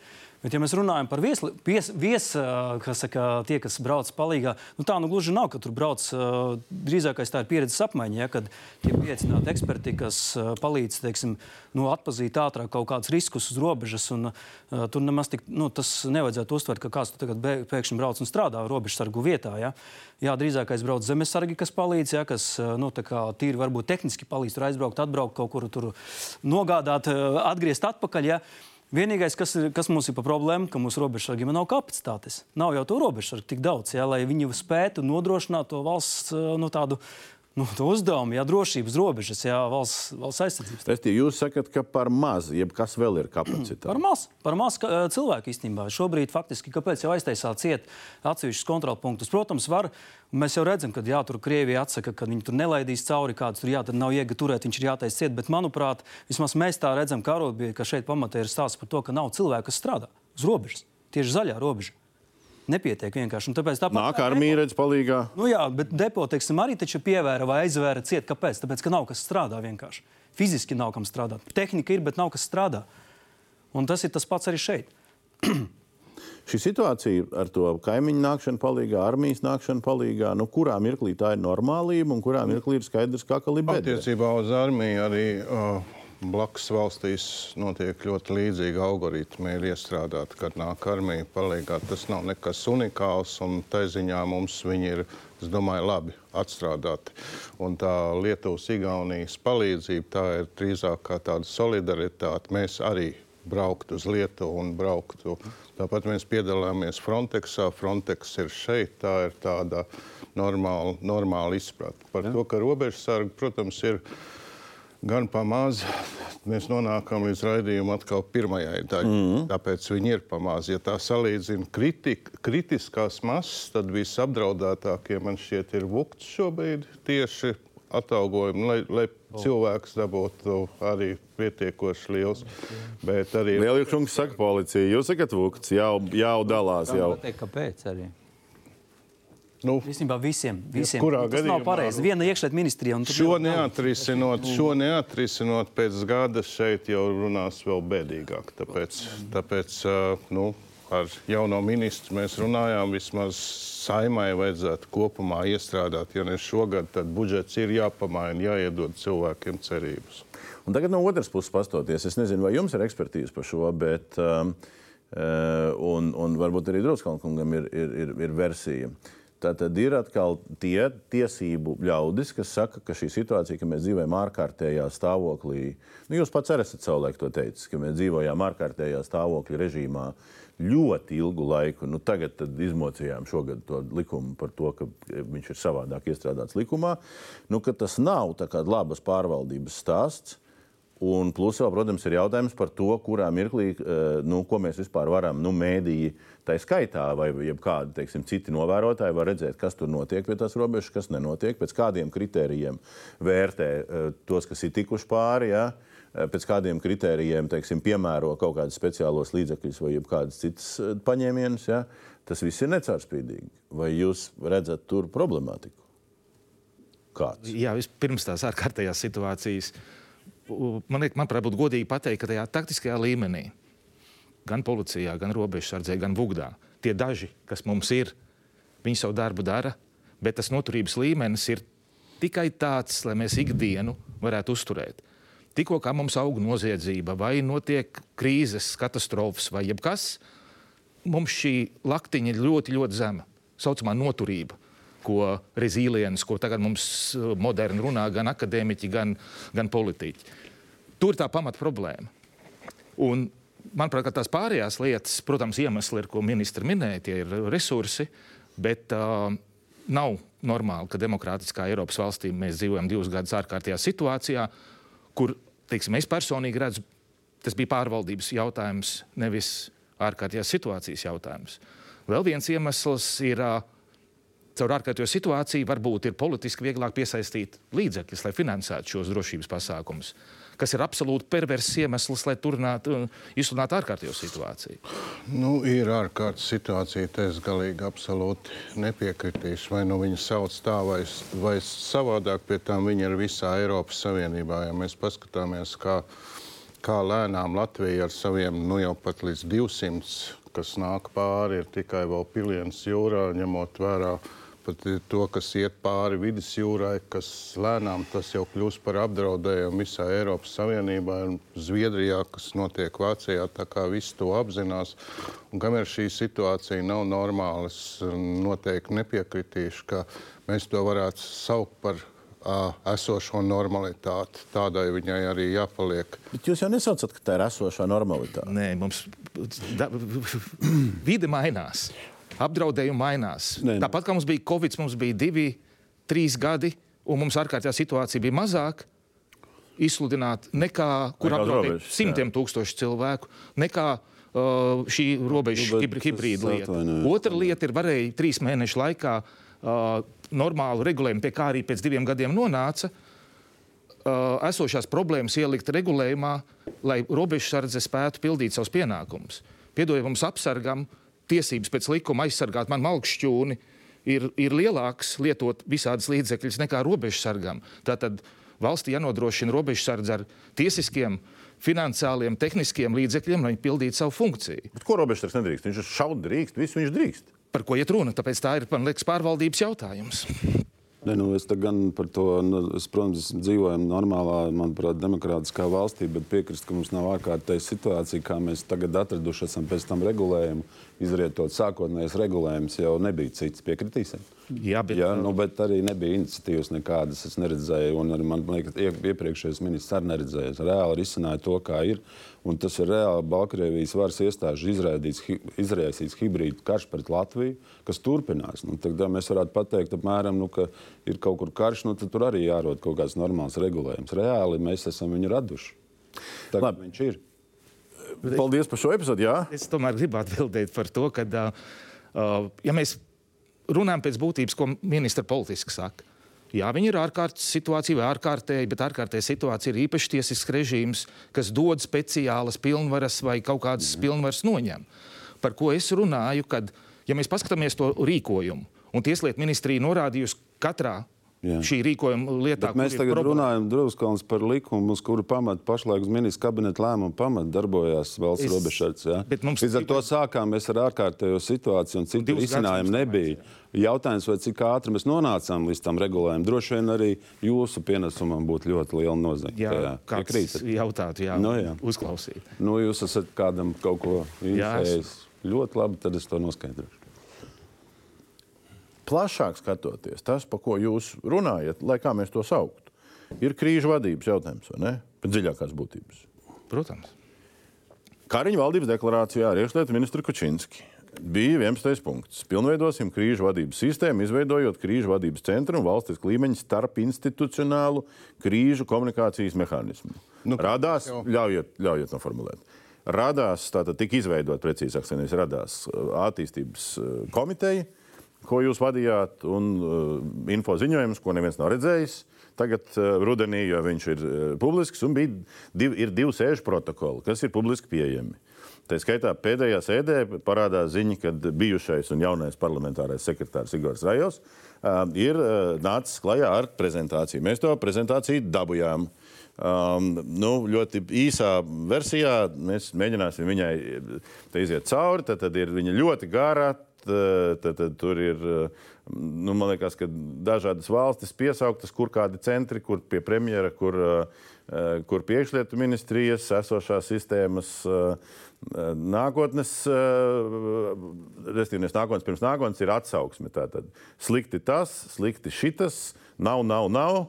Um, jāveido tas, šitas, jāveido vēl kaut kas. Nu, nav iespējams izsakot visam, bet, nu, respektīvi, kā visam ir jāpārveidojās, svota analīze, jauna modeļa darbības pamatprincipi. Nu, mēs aiznesam. Kur mēs esam nonākuši līdz mēs šim brīdim? Finiša stadijā. Finiša stadijā. Nu, finišs ir kāds.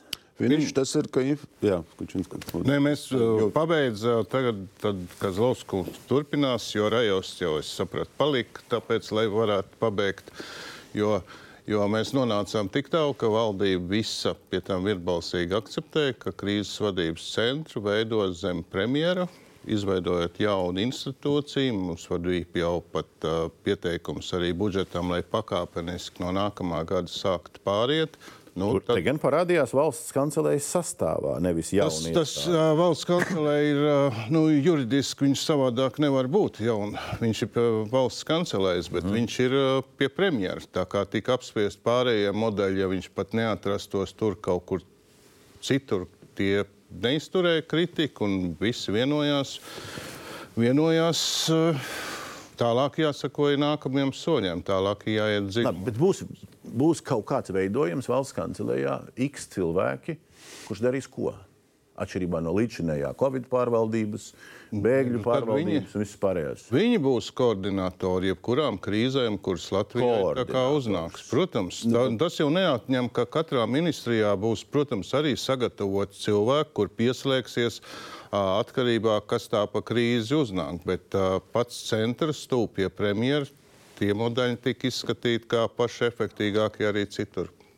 Ne tikai koordinēs, bet arī vadīs krīzi. Teiksim, reāli arī ja mēs skatāmies, kā piemērs no Covid laika, ka valsts kancelēs direktors praktiski lielākot savu darba dienas daļu pavada vadot dažādas uh, grupas un veidojot kaut kādas konkrētas priekšlikumus. Ja tam viņš, vis, viņš vispār bija jaunradītas struktūras vadītājs. Nē, tā tieši tā. Tas jau bija kaut kas tāds miksls, kā saka, ad hoc risinājums, bet uh, jā, es pilnīgi piekrītu Kučīnas kungam. Tas ir jautājums tagad tikai un vienīgi. Mums ir sagatavots info ziņojums. Es ļoti ceru, ka viņš tuvākajā laikā būs valdībā ar uzdevumu valsts kancelē līdz nākamā gada 1. februārim sagatavot priekšlikumu jau par finansējumu, par eh, nu, eventuāli tiek paredzēts aptuveni 12 štatu vietas. Jā. 12 štatu vietas ja, nākamgad izveidojam. Nu, tas būtu jādara. Es domāju, ka tādam jau bija jābūt. Koordinē jau... un vada krīzes. Nu, no tā viss, ko mēs esam izrunājuši. Nu, šis ir tas stāsts, ka mums ir jābūt gataviem jebkam. Nu, dzīve pierāda. Jūs nu, redzat šeit kaut kādas nu, būtiskas pārmaiņas? Krīze un katastrofa ir dažādas lietas. Jā, krīze, katastrofas jau vukts turpinās. Ne jau visas. Dēļ katastrofas var būt krīze. Jā, jā. jā. Nu, jā tā kā tur tad, nu, kura, kurš būs tas centra kompetence, kad mēs runājam par tiešām par krīzi. Dažna, dažādas tās krīzes mums, arī finansiālās krīzes, banku krīzes. Jā. COVID Mēs runājam par civilās, par civilās aizsardzības kopējo pakotni likuma, tās, tās jomas un tie apdraudējumi, kas ir noteikti civilās aizsardzības plānā. Plus strateģiskā komunikācija, kas pašlaik ir atrauta un decentralizēta. Un tas pats tas tā nedrīkst būt. Mums ir jāspēj komunicēt sabiedrību krīzi, krīzes apstākļos, ņemot vērā arī kā jūs pats minējāt, mums būs vēl daudz dažādu izaicinājumu. Līdz ar to šādam centram ar tādu kapacitāti ir jābūt jau vakar. Jā, zelta vārdi viens tikai moments. Es gribētu redzēt, Kur māca krīžu komunikāciju? Nu, es ļoti tieši to, ko es pārunāju pāris dienas ar valsts es... sekretāru apakaļ, un tas ir tas, ka par vadības uh, apmācību man tiešām liels paldies par to lielo atbalstu par šo iekšējās drošības akadēmijas izveidi un tieši šo vadītāju apmācības programmu universitātē, kas tiek realizēta. Jā, mums tādas programmas ir jāveido. Strādājot pie atjaunojuma šobrīd iekšējās drošības akadēmija, bet šāda programma nav. Nē, nē, vadība, vadība ir savulaik Covid laikā pētot Eh, caur parlamentāro izmeklēšanas komisiju tieši Stradaņu universitātes eh, pārstāves, eh, ne, nenosaukšu tagad viņas amatu precīzi, bet teica, ka ir programmas, kas ir saistītas ar sabiedrības vadību tieši medicīnas veselības jomā. Mums ir jārod tādas tāda iespēja Latvijā būt šādam. Tas būs izaicinājums, es piekrītu. Tieši šīs, šīs sadaļas vadības līmeņa cilvēka atrašana mm. būs izaicinājums. Bet tad, bet tad mēs, bet... mēs pareizi saprotam, ka tad, eh, tas, ko jūs sakat, ka ir kaut kādas krīzes, nu es turpinu to to domu, ka ir kaut kādas krīzes, ko mēs kvalificējam kā krīzi, un tad to vada šī 12 cilvēku vienība, un ir kaut kādas citas lietas, nu es te uzlikšu jau vēcu, jau, jau ar bārdu. Jau to brīdināšanas sistēmas, to vizualizāciju, ja, tam, kad, kad pāris gadi, man liekas, jau kopš ģirģiem laikiem viņš ir. Ka šitas paliek tad vugdam. Ja? Ne, tur bija jārod finansējums.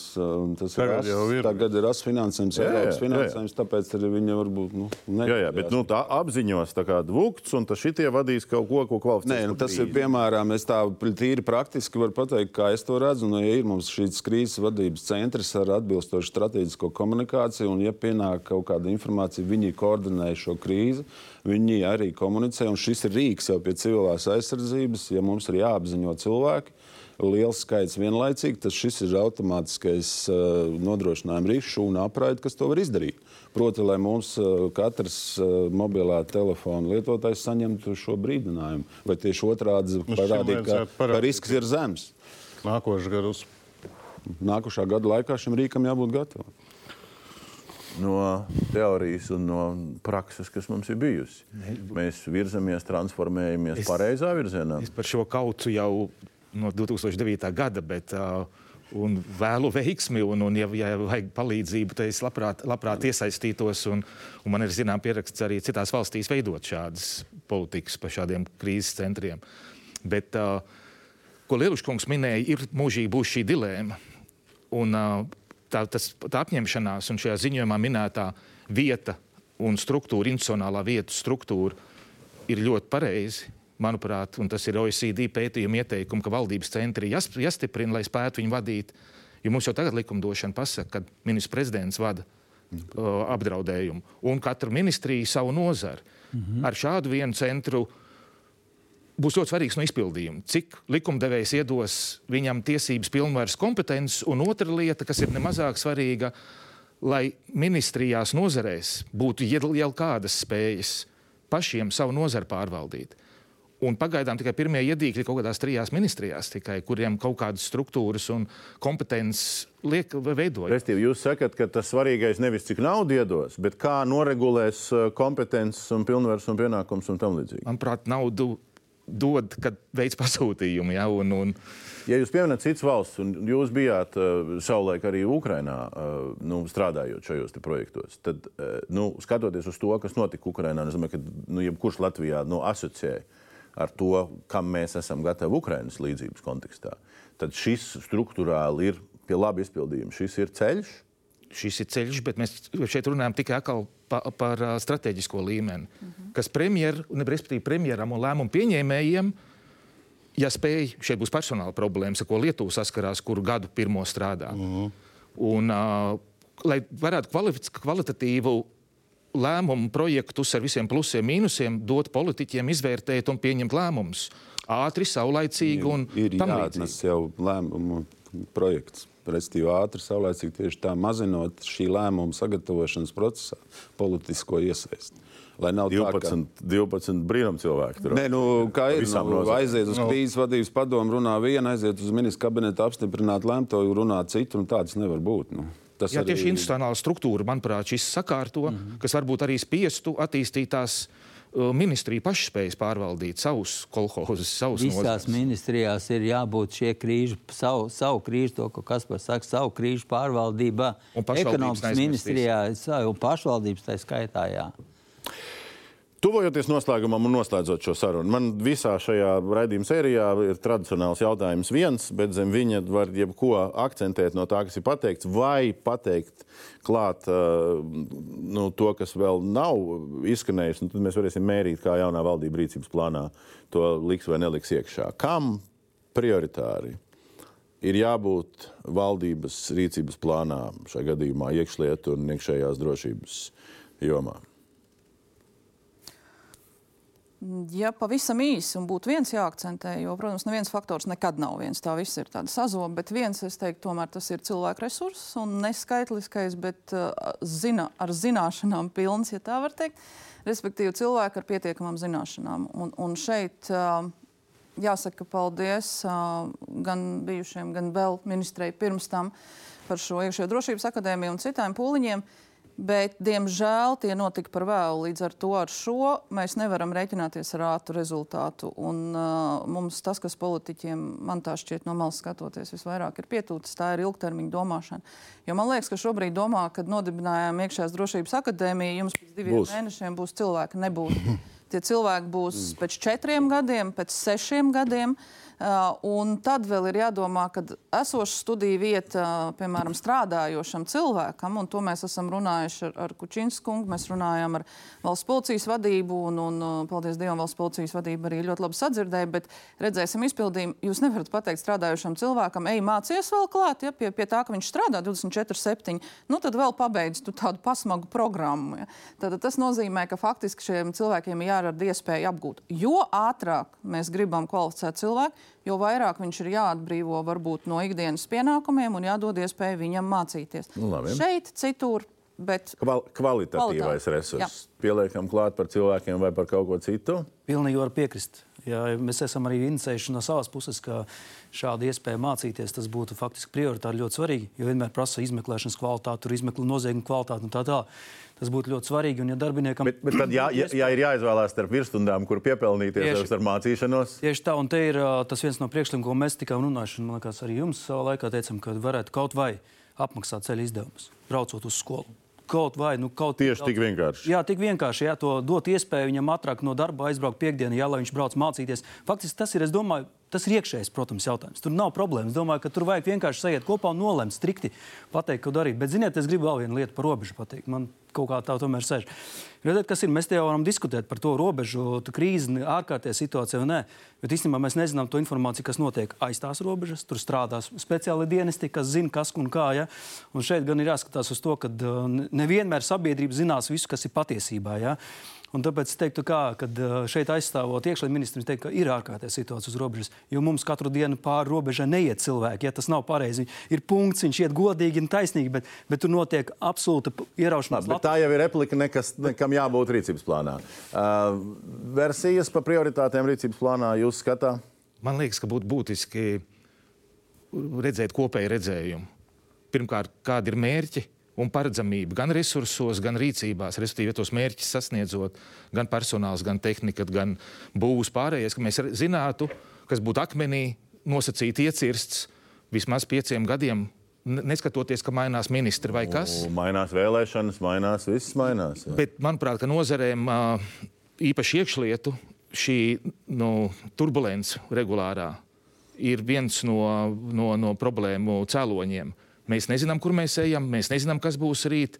Mums katra diena kā jauna diena. Ja mums tāda ilgtermiņā uh, redzējuma ar segumu, to starp resursu, manuprāt, tas dot vismaz skaidrību, no kuras mēs pēc pieciem gadiem varētu analizēt, kur un kā mēs gājām, vai vispār bija jēga uz turieni iet.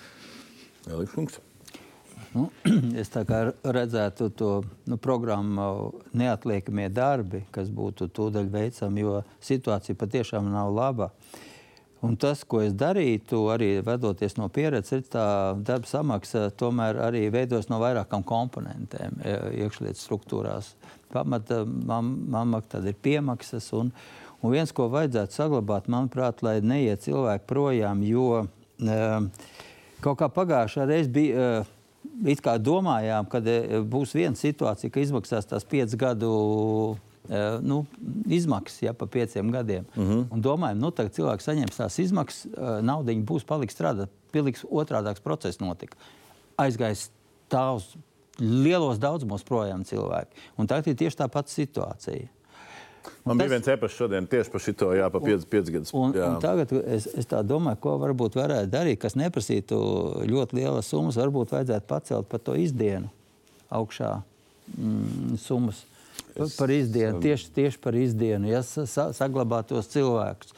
Uh, lai neaiziet projām. Ja? Uh, Nu, otrs, ko, ko varētu darīt, kāda arī pieredze bijis, kur kā vispār rekrutēt cilvēkus. Es jau skatos, ka te ir uh, aizsardzības ministrija to mūsu pieredzi pārņēmusi um, tos jaunsārgu centrus veidojot, un tagad retā vietā, kur tikai palikušās ir tās vidusskolas, kur jau iet ar, ar policijas ievirzi, kur mēs, manuprāt, varētu nošaut uzreiz divus zaķus ar vienu šāvienu.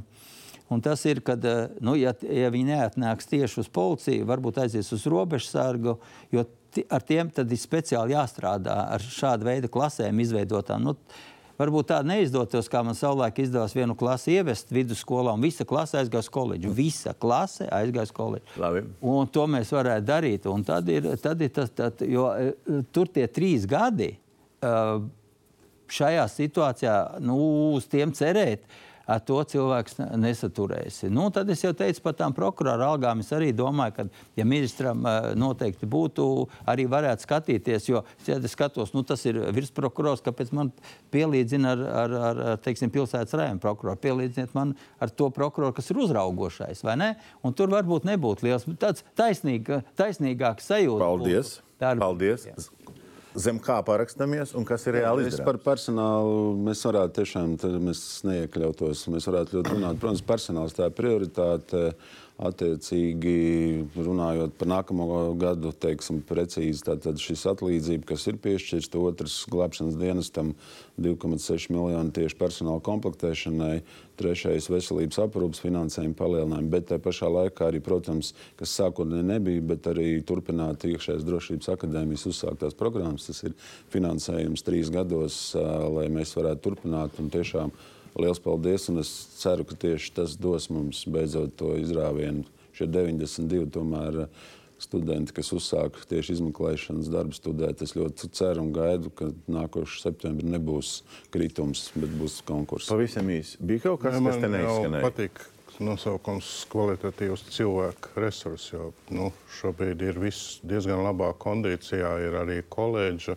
Tas, ko jūs uzsākāt, ir fantastiski. Kučinskungs, nevis tas, kas ir fantastiski, vai bija kaut kas, kas pietrūka, kam jābūt rīcības plānā?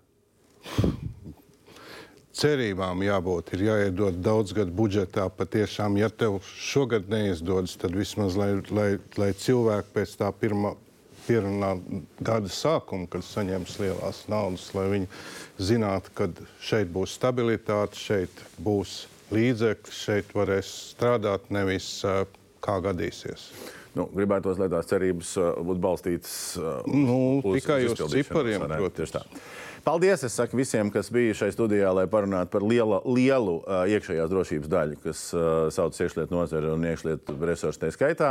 Um, um, sērija, kā, kas jādara Eviks Siliņas valdībai, turpinās. Uh, sestais redzījums 27. oktobrī LSMLV portālā būs par zemkopības un ar to saistītajām nozarēm. Paldies par šo sarunu, paldies skatītājiem uzmanību, turpinājums sekos.